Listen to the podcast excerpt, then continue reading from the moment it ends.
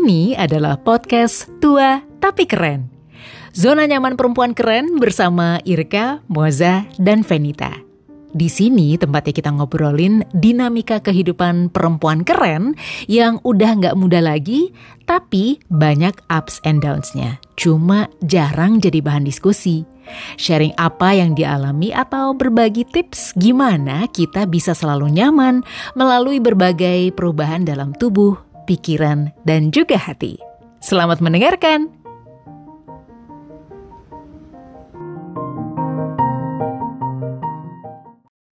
Hai perempuan keren, ada saya Venita Daben. Hari ini saya ketemu sama Dokter Lilin dari DW8 dan kita mau ngomongin soal uh, ini nih asupan makanan. Kadang-kadang ya, kadang-kadang kita uh, kalau misalnya nih uh, berubah berat badan yang kita datangi itu adalah dokter gizi. Oh iya. Ya kan? Terus uh, aduh gimana caranya ya biar uh, saya lebih langsing, lebih kurus. Waktu saya konsultasi ke dokter yang urusannya dengan gigi, ternyata salah satunya yang dikasih tahu itu adalah lo makannya mesti pelan-pelan, Fen. Emang apa hubungannya sih makan pelan-pelan? Aha.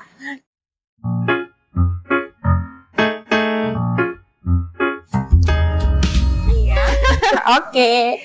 Jadi emang memang gizi uh, misalnya selalu ngatur kayak kalori Iya, gitu, betul. kalori.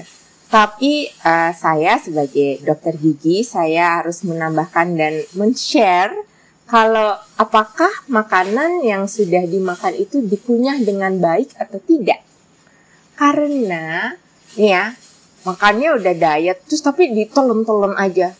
Emang perutnya nggak sakit ya nggak bloating? Soalnya itu tadi fungsi gigi kan pencernaan pertama kan. Jadi Nah, dia mengunyah uh, untuk mem- membuat apa ya sampai sari-sarinya gitu loh.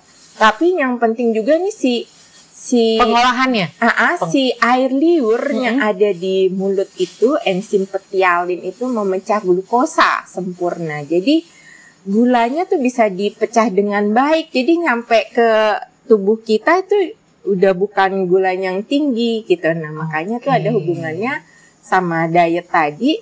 Soalnya saya juga pernah baca di Amazing of Enzym itu kalau kamu ngunyah yang ya waktu itu 30 kali atau 32 kali gitu pem- pemecahan sempurna kamu tuh akan kenyang dan nggak jadi ngemil, nggak jadi cepet lapar makan. Nah itu jadi hubungannya kalau sama si langsing itu. Tetapi kalau untuk kesehatannya jelas mengurangi kayak kadar, eh, maksudnya kadar gula bisa terkontrol. Terus kasihan lambungnya tuh eh, jadi aman karena dia nggak terlalu Oke. banyak bekerja. Mm, Padahal punya gigi loh gitu. Itu jadi nggak nggak selalu harus konsul ke eh, dokter gizi. Maksudnya bukan nggak boleh ya, tapi maksudnya ternyata kita bisa menjaga berat badan itu hanya dengan mengunyah dengan benar ya. Iya.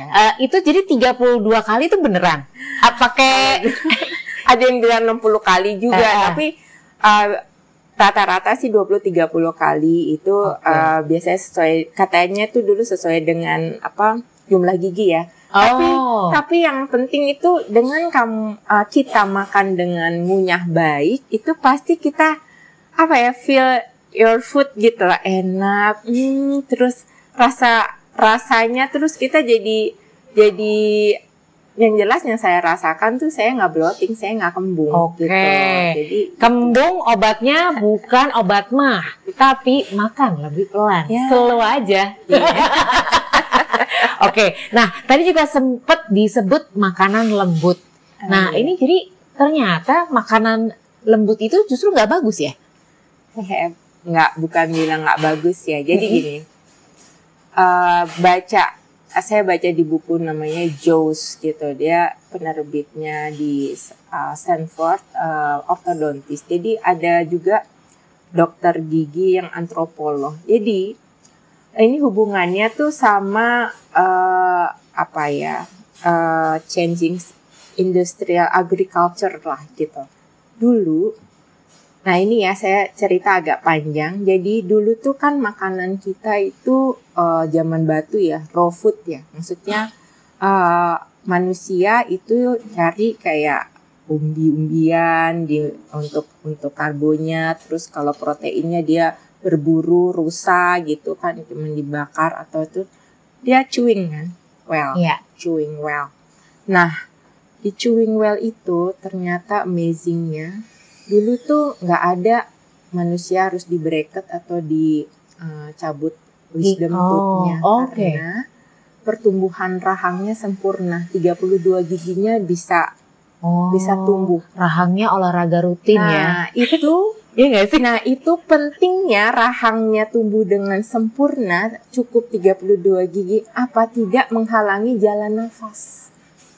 Oh, oke. Jadi kalau sempit, Mm-mm. rahang kita sempit karena kita banyak makan yang lembut-lembut nih ya, uh, apalagi di zaman modern ini, itu udah uh, makanannya itu semuanya olahan yang bisa lep-lep aja, stimulate pergerakan atau pertumbuhan rahangnya atau ototnya kurang sehingga rahangnya tumbuh kecil giginya nggak uh, cukup tempatnya berantakan yang ada juga nanti dicabut giginya supaya jadi rapi tapi nggak mikirin ra- uh, lidahnya Oh, jadi setelah misalnya dirapihin, lidahnya secara konstruksinya lidahnya kan, kan dia gede Ah, ah. tapi ditempatin di rahang yang kecil. Jadi dia nutupin tenggorokan. Jadi jalan nafasnya kan terhambat. Jadi adanya kok aku habis dicabut atau itu kok aku gerai kok aku snoring ya.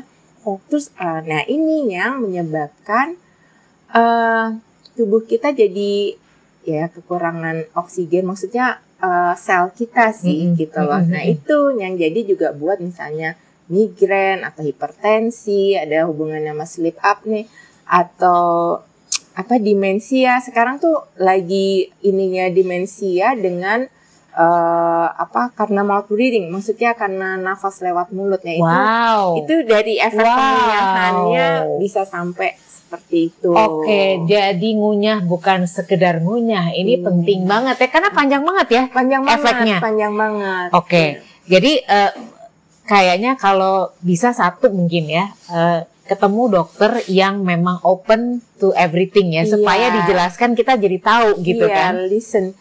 Eh, kadang-kadang kita juga apa ya? Karena memang sistem di dunia ini memang kayak sudah apa ya? Aku malah ngerasa kurang terkoneksi dengan karena tubuh itu nggak bisa dipisah-pisahkan. Jadi eh, saya sendiri juga spesialis konservasi gigi yang mempertahankan gigi. Ah, tapi eh, ngerasa kok cuman di situ aja. Kita kalau ya kayak jalan nafas atau TMJ ini eh, biasanya bagian prostodonti. Tapi apa ya korelasinya atau eh, kita sendiri jadi kurang berhubungan, apalagi masyarakat. Mm-mm. Masyarakat jadi bingung gini. Ah, aku ke mana ya dokter spesialis mana ya? Misalnya ya. Migren, aku migren. Migren.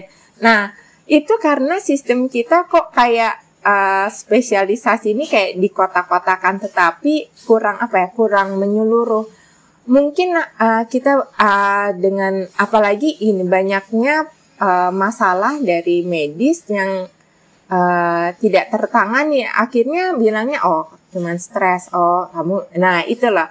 Nah itu mungkin eh, kita bisa membuka listen each other untuk eh, tujuan yang mulia untuk menyembuhkan. Karena manusia itu seutuhnya body and soul. Jadi nggak kita sebagai dokter nggak mungkin lihat kayak tes Sepotong-sepotong TikTok. gitu Ah, ya. jadi Oke.